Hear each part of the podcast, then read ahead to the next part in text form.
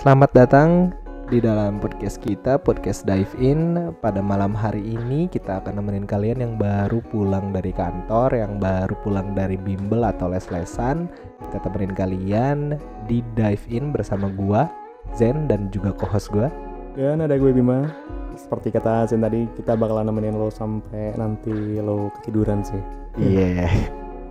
Jadi kita bawa santai aja untuk menemani hari-hari akhir kalian. Oke?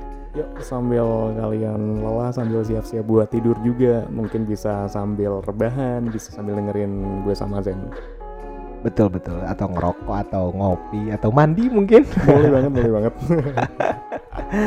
Jadi pada kali ini gue sama Bimo bakal bahas tentang demotivasi sama motivasi. Mungkin beberapa dari kalian sudah paham banget sama arti dari demotivasi atau bahkan yang paling common adalah motivasi gitu ya. Motivasi ini kalau misalkan kalian pikir itu kan sama dengan semangat ya nggak sih Bim? bener banget karena gue mikirnya juga sama kalau kayak kayak beberapa teman-teman juga sih Eh, gue termotiva termotivasi nih berarti kayak kayak ada semangat yang menggebu-gebu dalam diri dalam diri kita Iya kayak kayak gitu kayak lu tiba-tiba ambisius gitu ya untuk mengejar sesuatu gitu kan. Iya bener banget. Tapi ketika gue termotivasi itu juga semangat. Nah makanya eh, gue mikirnya juga itu sama sih Zen. Hmm. Kayak gitu. Mungkin teman-teman juga bakalan mikir hal yang sama karena motivasi ini menumbuhkan semangat. Tapi Oke. but the real, The real is different bro. oke. Jadi motivasi itu ternyata nggak sama dengan semangat ya. According to my reference gitu ya. Tapi bolehlah teman-teman punya referensi lain atau mungkin punya percaya uh, teori-teori lain nggak masalah. Kita di sini bukan untuk menjadi hal yang absolut atau kita yang paling benar, nggak juga. Tapi kita cuma sharing aja. Di mana pada dasarnya motivasi itu adalah alasannya bro, bukan semangatnya. Bener banget. Ya, lu pernah nggak sih tiba-tiba pada dasarnya di satu hari lu semangat, di satu hari yang lain lu nggak semangat sama sekali? Loyo banget ya. Loyo ya, jadi kayak seolah-olah pada dasarnya wah hari ini tiba-tiba something bad happens and and and you just feel like this is not today gitu loh. Bener banget kayak kayak hari- hari-hari lu tuh hancur atau hari-hari lu down. Kacau, mungkin kayak gitu. ya kan? Nah itu apakah itu bisa uh, dinamakan demotivasi atau dinamakan cuman ya lu cuman nggak semangat aja, cuman nggak in the vibes aja gitu pada hari ini, gitu kan? Bener banget ya. ternyata nggak di situ doang gitu loh. Ternyata motivasi ini bukan hanya alasan yang memperkuat lu untuk ada di jalan lu sekarang atau yang lu sedang jalani sekarang. Mungkin teman-teman yang baru pulang dari uh, ala uh, kos uh, dari kos luar lagi, dari, luar ya. whatever lah Whatever dari, ya. dari lu dari nongkrong lu dari masih pulang bimbel lu pulang Nah. dari mana aja Nah itu maksud gua pulang bimbel nih misalkan ya. Apa sih alasan lu bimbel? Apakah lu pengen uh, menjadi number one in the class gitu kan? Atau lu pengen masuk kampus yang keren, kan? iya benar banget atau lu cuman masuk bimbel gara-gara disuruh sama bokap nyokap lu buat lebih belajar kayak kayak gitu Iya iya. Karena mungkin lu nggak bisa belajar sendiri. Akhirnya lu butuh guru di di bimbel itu supaya lu bisa belajar lebih baik lagi. Whatever the reason, itu adalah sebuah motivasi. iya benar banget Case-nya adalah ketika lu tidak semangat, apakah lu kemudian kehilangan de- eh, motivasi itu? Bisa jadi, Bim. But, but not not all kayaknya ya Not all ya, not all, tapi pada dasarnya bisa jadi gitu loh. Karena ternyata demotivasi adalah lawan kata dari motivasi yang artinya demotivasi itu lo kehilangan alasan itu sendiri. Nah kayak misalkan lu kehilangan alasan untuk mempertahankan si dia gitu. wah ini ini ini ini nih Lu akhirnya kehilangan alasan untuk bersama dia lagi. Nah lu kehilangan motivasi oke kayak gitu. Tapi bukan berarti pada dasarnya lu nggak bisa semangat in every day gitu loh. Karena pada dasarnya semangat bisa aja muncul dari excitement Oke, jadi eh, mungkin Gitu. bedanya motivasi sama demotivasi itu bisa dibilang orang yang bersemangat itu belum tentu punya motivasi. Terus orang yang memiliki motivasi itu akan bersemangat dan keduanya juga musuh utama tetapnya musuh utamanya tetap demotivasi kayak gitu. Betul, betul, betul Intinya banget. kayak gitu. Betul banget, betul banget, betul banget. Nah, kemudian yang kita pikirkan apa sih penyebab demotivasi buat temen-temen kalau misalkan masih penasaran nih, lu dengerin baik-baik nih obro- obrolan gua sama Bima nih. Iya kan? Iya, lu mungkin bakalan dapet apa sih motivasi? Motivasi itu bukan semangat dan demotivasi itu bukan soal loyo loyo dan bad mood. Betul sekali betul sekali. Karena kita berbicara masalah alasan. Alasan itu yang paling core yang paling funda fundamental gitu loh kalau misalkan teman-teman selalu mungkin uh, bertabrakan dengan perkataan semuanya itu happens by the reason gitu. Loh pasti ada alasan ya kenapa sesuatu terjadi. Nah maka pada dasarnya ketika teman-teman memiliki motivasi kalian mending pikirin dulu deh alasannya itu apa. Sehingga itu kemudian motivasi bisa tetap kuat bisa tetap strong bisa tetap stay gitu loh. Karena kasusnya motivasi yang hilang itu akan menjadi perbedaan yang sangat jelas daripada menjaga motivasi itu membangkitkan motivasi sama menjaga motivasi itu dua case yang berbeda di kali ini kita berbicara masalah demotivasinya dan motivasinya dan penyebab daripada kehilangan motivasi atau penyebab adanya demotivasi. Kayak Yep. gitu. Yap, benar banget nih Sen. Kayaknya momennya juga lagi pas banget nih. Ngomong awal-awal tahun baru juga masih Januari. Mungkin sebagian besar lu semua juga punya motivasi yang lebih untuk menghadapi tahun 2022 nih, 2022 ini dengan dengan hal-hal baru. Tapi uh, let's say the real is not easily but ada di 2022 juga lu bakalan ah kok males banget sama aja kayak tahun-tahun kemarin kayak gitu nih Sen. Nah, iya iya. Setiap resolusi yang kita buat pada akhirnya kadang-kadang ada yang gagal. Bener banget. Iya kan? Kayak misalkan ah, beberapa orang ada beberapa orang mungkin ah, pengen kehilangan apa namanya losi- losing weight ya. Mencoba Bener. untuk lebih fit lagi, that's okay. Atau misalkan lu pengen menjadi apa namanya number one in class yang tadi gue bilang, atau lu pengen masuk kampus yang bagus yang tadi gue bilang juga, atau pada dasarnya di tahun ini lu pengen menemukan cinta sejati. Wah, kalau itu mungkin beberapa teman-teman juga bakalan yang masih sendiri mungkin ya.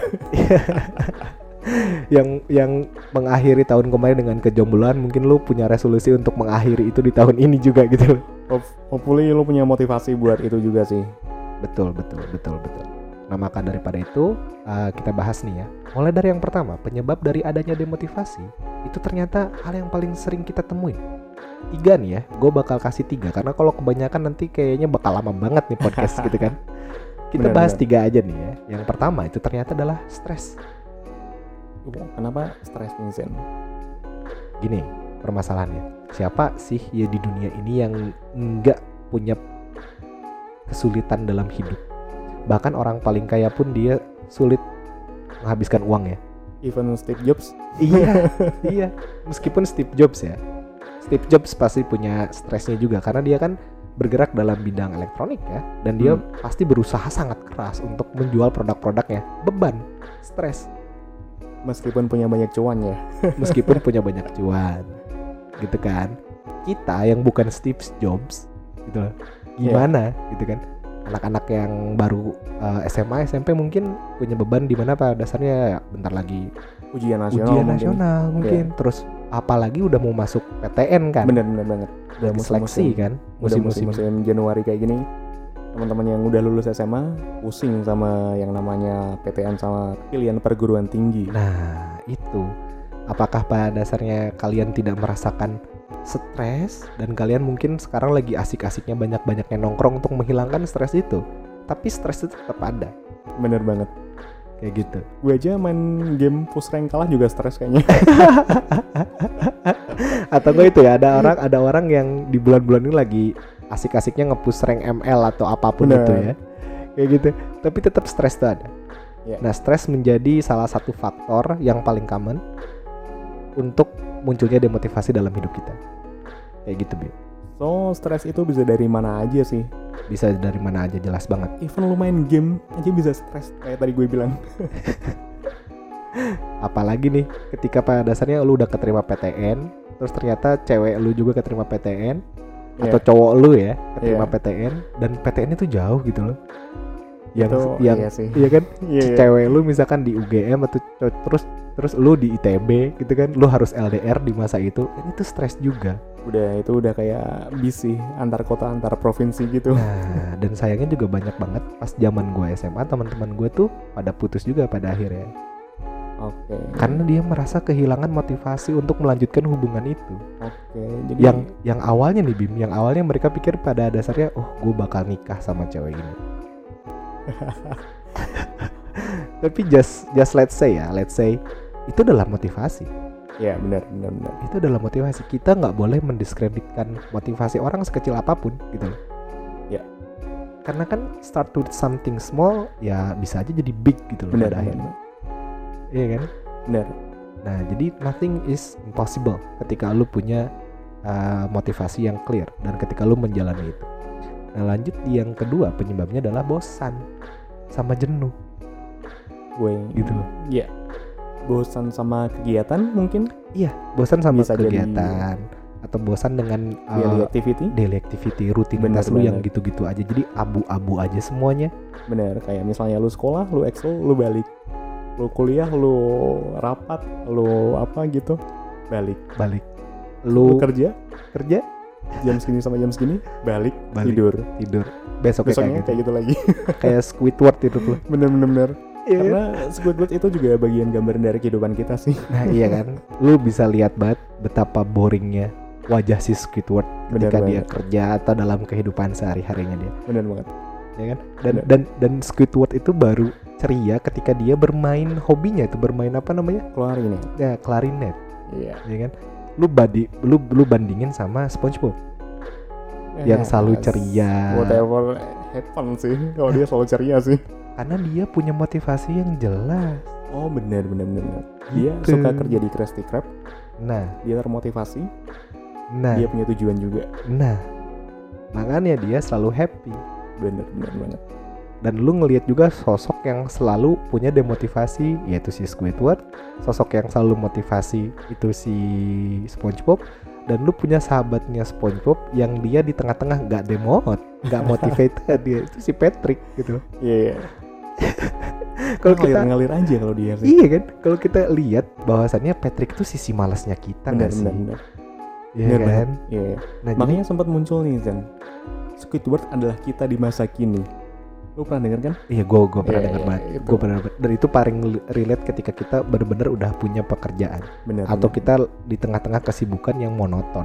iya Itu ternyata yang namanya bosan sama jenuh bisa memunculkan demotivasi karena ya udah lu nggak nggak nggak punya suatu hal yang inovatif gitu loh. iya Jadi lu udah tahu besok mau ngapain, jam sekian mau ngapain, seolah-olah hidup lu nggak berwarna. Ketika hari udah berakhir tuh udah kayak kepikiran ah besok masih kayak ini lagi ah Nah. besok masih kayak ini lagi kayak ya kapan sih weekend Nah itu gitu dan dan dan kemudian semudah uh, orang membalikan tangan dia bisa bilang kayak gini ya lu carilah uh, apa namanya suasana baru di kantor which is never happens ya nggak sih kecuali Iya. kalau kantornya sendiri merubah itu kita Iya, nggak bener. mungkin gak sih seorang pribadi atau seorang individu mengubah suasana publik seolah kayak Bollywood gitu kita nyanyi semua orang nyanyi anjir. Kan enggak ya? I think it's impossible banget sih. Nggak mungkin gue mindahin ah gue pengen duduk yang sebelah sana meja gue pindahin. Kan nggak etis juga. Gak, gak, gak bisa. Nah, akhirnya pada pada dasarnya ketika kita berpikir soal soal bosan, soal jenuh, ada nggak sih faktor lain yang paling common? Nih yang ketiga itu yang paling common, yang paling biasa banget orang temuin dan menjadi problem publik. Yaitu adalah toxic environment. Toxic toxic toxic everywhere is toxic Everybody is toxic. Meskipun itu sangat-sangat subjektif ya. Bener dalam arti kayak misalkan lu bisa ngejudge orang yang menurut pribadi lu dia toksik apa enggak atau environment itu toksik apa enggak tapi seenggaknya ketika lu di sekolah ketika lu di uh, kampus atau ketika lu di tempat-tempat les lu bisa nilai kalau nggak ada si A kalau nggak ada si B kalau nggak ada si C ini tempat aman dan asik banget iya gitu. bener banget. Nah jadi hal-hal yang kayak gitu ternyata berpengaruh sama motivasi kita.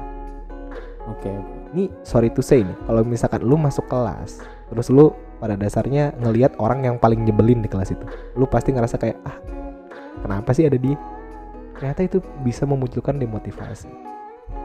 Ya sama kayak di lingkungan kerja juga sih Hmm, misalnya kalau lu udah kerja mungkin ini bakalan udah relate kayak lu kalau lu udah kerja dengan ketemu teman misalnya ah gue ke- males nih ketemu si A si B si C kayaknya kalau dia nggak masuk have fun deh bakalan kayak gitu sih hmm. He- bakal bakal ti- tidak ada suatu yang bad happens gitu loh. maybe maybe maybe maybe ya maybe Yes. ya tapi teman-teman jangan takut pada dasarnya hal-hal yang kayak gitu tuh ternyata udah ada penelitiannya bin Oh ya? Iya, jadi pada dasarnya di tahun 1998 kalau nggak salah itu ada penelitian yang dilakukan sama Profesor Claudia M. Mueller.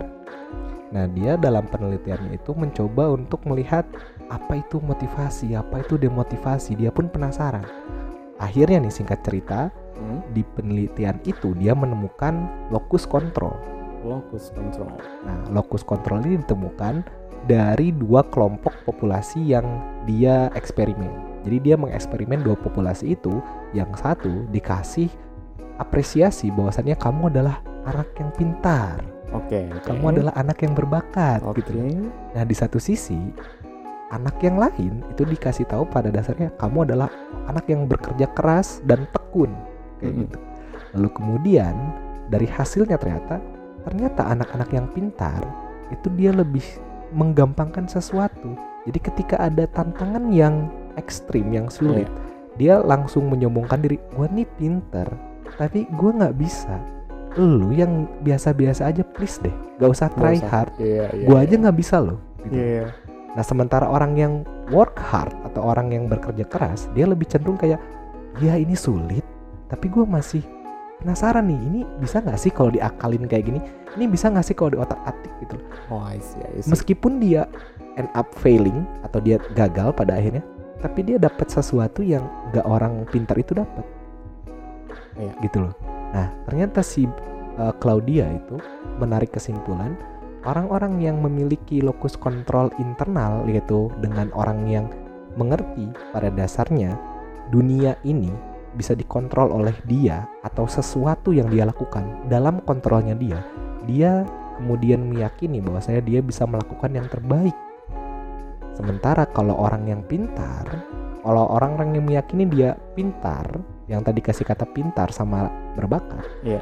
itu ternyata dia lebih meyakini bahwasannya kalau dia gagal itu karena hal-hal gaib atau mistis atau di luar kontrolnya dia sehingga dia gagal kayak gitu Unik, unik. Mungkin disantet. atau dia dapat kutukan ya Iya, iya. ada kayak gitu nah tapi ada yang ada yang menarik di sini terus locus control ini digunainnya kayak gimana sih gitu kan Hmm? untuk untuk stay uh, di posisi kita yang tetap bersemangat nah ternyata simply kalau kata si Claudia Iya. itu lu harus mulai meyakini bahwasannya apa yang lu lakukan dunia lu sekarang itu harus bisa lu pegang Ha- Oke. karena nih Bim ada powerful yang powerful text lah yang gue bisa bilang dari Claudia. Itu katanya dia bilang karena satu-satunya orang di dunia yang bisa mengkontrol lu adalah diri lu sendiri. Bener banget. Lu highlight kata-kata itu tentang diri lu sendiri. Lu highlight bener-bener. Mungkin itu bisa jadi motivasi lu yang saat ini tengah demotivasi. Nah. kayak gitu. kalau lu udah tahu adalah bahwasannya lu adalah satu-satunya orang yang bisa mengontrol diri lu sendiri lu harus pahami benar-benar diri lu. Lu harus pahami benar-benar kondisi diri lu. Supaya lu tahu pada dasarnya ketika lu stres lu harus ngapain. Ketika lu ada di lingkungan toksik lu harus ngapain. Ketika lu bosan lu harus ngapain. Jadi seolah-olah semua yang lu alamin itu bisa berubah dengan perubahan yang lu lakukan. Dan dari diri lu sendiri dan juga. dari diri lu sendiri. Kan banyak banget ya orang yang bilang bahwasannya perubahan itu harus mulai dari diri lu ternyata bener ya? Ternyata ada benernya. Ada penelitiannya juga. Ada penelitiannya juga dan itu berapa tahun yang lalu tuh? 1998 Sebenarnya, oh kayaknya gue belum lahir sih Zen. Gue udah lahir. Oh udah lahir. Gue udah gue 996 soalnya. Oh 9 oh sorry sorry 1998 ya gue udah lahir juga sih. Gue udah lahir gue gue baru 2 tahun. Gue udah ya sekitar 3 tahun 4 tahun iya kan nah pada dasarnya yang asik nih coba coba kita langsung uh, case lah ya katakan. Ada nggak sih Bim suatu pengalaman yang lu ternyata gue dulu pernah di mod terus kemudian lu kehilangan alasan atau apa pun itu kemudian lu jadi kayak ah yaudah gue lepas gitu. Oke, kalau dari gue sih kayak gini sih, eh, apa ya mungkin permasalahan gue sih nggak jauh-jauh sama namanya permasalahan orang-orang umum. Mhm, Eh, basically, secara general kita punya masalah percintaan sih. ah I see I see I see. Oke, wak- jadi waktu itu gue sempat ini sih, eh, ya break broke up lah kayak gitu. oke Terus em, gue gue gue nggak punya pelampiasan nih kayak kayak apa nih gue nggak punya temen gue nggak punya nggak punya orang buat numpain semuanya dan akhirnya kayak kayak gue tadinya gue gue basically gue gue suka moto tapi nggak punya apa namanya gearnya. Mhm. Uh, dan finally gue beli uh, kamera. Itu motivasi. Motivasinya kenapa? Karena gue pengen moto pengen show off lah. Gue udah Oke. udah bisa moto nih gue punya kamera nih sekarang. Oke. tapi realitanya anjir males banget. Mau Ah. moto moto apa? Mau mulai dari mana? Kayak gitu. Akhirnya itu gear mangkrak itu bisa disebut demotivasi gak sih Sen? kayak gitu? Waduh, kalau misalkan gear mangkrak terus lu kemudian menemukan kemalasan dalam motivasi yang awal, ya jelas dong itu. Disebut dengan demotivasi. makanya gue nggak nggak punya semangat. Ketika gue udah punya gear gue tadinya udah mengebu-ngebu gue semangat punya motivasi. Gue pengen pengen bisa fotografi. Gue pengen show off di ya di Instagram at least. Gue pengen dapat likes dari foto gue. Tapi ketika ay cuman likesnya cuma dikit nih. Ah cuman kayak kayak gini doang. Kayak kayak kayak ya udahlah kayak ah males lah kayak gitu sih. Tapi kalau misalkan kita perhatiin banget uh, perkataannya Bima nih teman-teman ya, tadi dia bilang pada dasarnya ketika dia foto terus likes-nya sedikit, ternyata pada kasusnya itu Bima punya energi lokus kontrol eksternal. oke. Sehingga pada dasarnya itu menandakan ya lu low motivation level lah kalau kata si Claudia. Jadi wajar Bim. Tapi kalau misalkan lu fokusannya kayak ya udah gua mau foto apa yang gua cintai. Mm-mm. gak harus mentingin likesnya berapa. Oh. Kayak gitu. Tapi lu mementingkan bahwasanya this is my passion bro. Oke. Kayak gitu. Mungkin di situ lu bakal tetap menjaga motivasi lu. Tapi nih Zen tapi nih Zen. Mhm. sekarang gue udah punya passion foto lagi. Karena gini gue gue basically gue suka foto yang street kayak gitu Oke. street fotografi dan kebetulan sekarang gear gue udah udah mumpuni nih. Mhm, mhm. dan gue udah punya kayak wah punya punya panutan nih. Gue Mhm, pengen mhm. kayak gini. Gue jadi pengen jadi pengen nih. Gue ada ada semangat lagi. Oke. Gue ada motivasi lagi buat moto dengan hasil yang kayak ini ini ses- sesuai passion gue. Di luar lu mau like lu mau komen lu mau share whatever lah. Gue nggak peduli. Yang penting gue moto gue upload. Gue seneng Oke. situ. Nah, kalau kita berbanding dari kasus yang kedua nih, Bim, ya sama teman-teman sekalian ya. Ternyata yang kedua itu lebih ke arah lokus internal. Oh, Kenapa? Karena lu ada inspiration di situ. Oh, jadi gue udah udah termasuk dalam teori itu ya. iya, iya dong. Jadi ternyata perkataannya si Claudia M. Mueller itu benar. Karena gue pun punya uh, pengalaman juga nih. Bim. Oh, lu gimana sih? Nih kalau gue pada dasarnya waktu itu gue ada di perkuliahan. Iya. Gue ada di perkuliahan dan pada dasarnya ketika gue kuliah itu gue tertabrak dengan satu momen di mana oh ternyata gue bukan anak yang ace lah katakan Oke. kayak gitu. Ah, di kuliahan gue gak bisa pada dasarnya gue berkembang lebih Oke. karena pertama nggak ada organisasi tuh nggak ada hima nggak ada bem nggak ada apa pun jadi pada dasarnya gue kuliah ya udah gue gabut gue kuliah gue pulang kuliah pulang jadi kayak rasanya tuh kayak kosong banget gak sih Wes. terus ngelihat di fakultas lain yang Hmm. dia ada himanya yang dia ada bemnya yang dia ada DLM-nya Hmm. lebih seru gitu loh lebih Seru, banyak oke. kegiatan gitu loh kok di kampus gua nggak ada nah terus kemudian gua iri dari situ Oke. ya kan dari iris di situ ternyata terus kemudian gue pikir kayak wah gua harus buat yang kayak gini Hmm. motivasi gua supaya gua nggak gabut Hmm, oke oke. iya kan terus Oke. gua jalanin tuh bim gue jalanin akhirnya dapet gue ngebentuk organisasi tuh di situ. Hima gua sampai sekarang masih ada. Oke. kayak gitu. Nah tapi di skala gua motivasi ternyata akhirnya eh, organisasi itu bisa menghidupi orang-orang yang dulunya kayak gua. Hmm. dan sekarang orang-orang yang dulu nggak tahu historinya dia sekarang dia bisa punya kegiatan. Nah gue seneng banget tuh ngeliat itu. Itu cerita gue punya motivasi yang terselesaikan lah katakan. Nah ternyata di satu sisi gue juga punya cerita yang gue mengalami demotivasi yang berlebih. Iya. dan sama lebihannya waktu itu gue pada dasarnya eh, ada di satu organisasi ada di satu pembentukan organisasi tapi lu bayangin satu kampus nggak setuju adanya organisasi itu. Wah parah bim bim. Kontra semua berarti ya. kontra semua. Bahkan dari senior senior kampus gue tuh kontra semua. Terus gue paksain tetap buat memperjuangkan adanya organisasi itu sampai tiga tahun bener-bener gue paksain gue jadiin dan gak jadi-jadi sampai sekarang gak jadi-jadi bim. Dan Tetep. itu ya dari itu gue sampai sekarang mikir kayak wah ini kenapa ya? Dulu gue mikirnya kayak wah ini gara-gara senior nih nggak setuju. Wah gara-gara orangnya sih nggak nggak mikir panjang gitu loh segala macem. Ternyata setelah gue baca teorinya si Claudia ternyata oh ini mah karena emang guanya aja yang nggak try hard banget Oke. kayak gitu mungkin mungkin ada satu hal yang salah dari gua dan akhirnya kemudian ngebuat itu nggak jadi Oke. kayak gitu Jadi ini ada pesan terselubung ya buat teman-teman kalau nanti kuliah jangan cuma pulang doang ya, Zen ya. Bisa sambil organisasi. Enggak, enggak sebenarnya enggak kayak gitu. Enggak kayak gitu juga. Karena gini teman-teman, organisasi itu pilihan. Ya. Kayak gitu ya. Lu kalau misalkan gak enjoy sama organisasi atau mungkin organisasinya toxic, Ya, lingkungannya, lingkungannya mungkin. toxic dan gue juga sempat mempermasalahkan itu. Gitu loh pas gue lagi ngerintis organisasi. Hmm. Karena kemudian ya akhirnya kan senior-senior nggak pada setuju dengan organisasi itu kan. Gue Oke. pikir emang toxic aja nih lingkungan kayak gitu kan. Iya dan lu ngalamin demo- demotivasi dari mungkin dari stres lu di Iya, sana. Lu jenuh dengan perjuangan lu yang nggak nggak menghasilkan sesuatu. Iya, Bim dan itu kelihatan banget dari IP gue yang turun. gue jadi malas ke kampus, gue jadi malas banget ketemu sama bocah-bocah kayak gitu. Tapi kelihatan banget ternyata gue mengalami itu, gitu loh.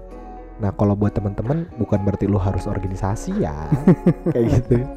Lu kalau misalkan ada sesuatu yang asik menurut lu jalanin Itu motivasi, itu, cari motivasinya. motivasi lu. Kalau lu ada motivasi di situ, lu ada alasan, lu punya motivasi.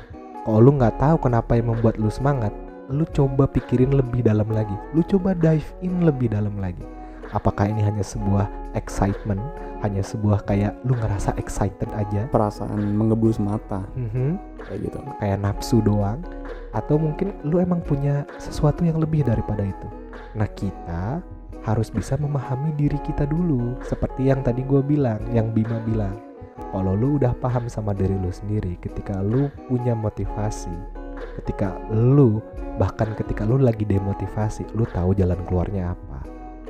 Kayak gitu. Bahkan sebatas ketika lu stres, lu butuh si A buat nongkrong bareng. Ya lakuin itu.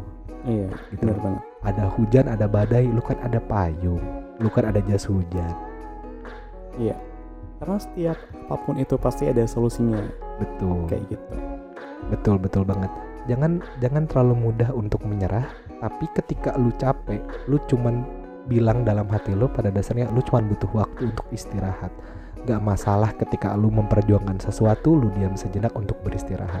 Benar banget. Take your time to rest. Ya, take your time, take your time to even do something Yeah. better tomorrow gitu loh. Yeah, Kayak some things you need to stop. Ya, sometimes, sometimes, Sometimes, really. Jadi pada dasarnya teman-teman kalau misalkan lagi mikirin hal-hal yang negatif, lagi punya keresahan, lagi punya sesuatu yang mengganggu teman-teman, ngebuat teman-teman terbebani, menjadi stres, kalian tahu permasalahannya karena toxic environment atau kalian pada dasarnya merasa bosan, Udah jenuh sama kegiatan yang gitu-gitu aja monoton. lu lu harus coba conquer itu, Bener. kuasain itu. Lu coba takluki. Kalau lu bosan, lu keluar. Lu coba cari permainan baru. Kayak tadi Bima jadi fotografer, Iya. ya kan? Kalau gua gagal. Dalam artinya gue ketika ada demotivasi itu gue langsung hancur. Gitu loh. Karena gini Zen. eh sepengetahuan gue, se- selesai yang gue alamin juga sih. Hmm. Ketika lu sempat bosan, sempat stres, sempat apa pun itu, sempat ada di lingkungan yang yang nggak enak atau yang lingkungan toksik, lu bakalan ah udahlah gue stop. Dan ketika lu stop, lu bakalan nemu titik balik di mana lu bakalan bangkit untuk nyari motivasi diri, diri lu sendiri. Dan itu Betul. dimulai dari diri lu sendiri juga. Betul, betul, betul banget, betul banget. Ingat selalu ingat perkataannya Claudia. Pada dasarnya, seseorang yang hanya bisa mengontrol lu di kehidupan ini adalah diri lu sendiri. Diri lu sendiri. Lu harus bilang bahwasannya lu in control. Lu menguasai diri lu sendiri. Lu pahami diri lu sendiri. Kenali diri lu sendiri. Gitu. Maksudnya si Claudia. Gitu kan? gue harap sih buat lo semua yang yang saat ini masih dengerin kita eh, lo bakalan yang lagi demotivasi lo bakalan bisa nemuin motivasi sendiri buat bangkit lagi Iya betul betul. Jadi untuk kali ini kita uh, membahas demotivasi dan di episode berikutnya kita akan bahas toxic environment. Wow Jadi tetap stay tune ya. Jadi ini akan akan ada bahasan lanjutannya teman-teman. Jadi kalau kalian masih penasaran, check out buat episode berikutnya. Saya sama Bima mohon undur diri. Sampai berjumpa lagi di kesempatan berikutnya. Selamat malam dan selamat beristirahat. selamat malam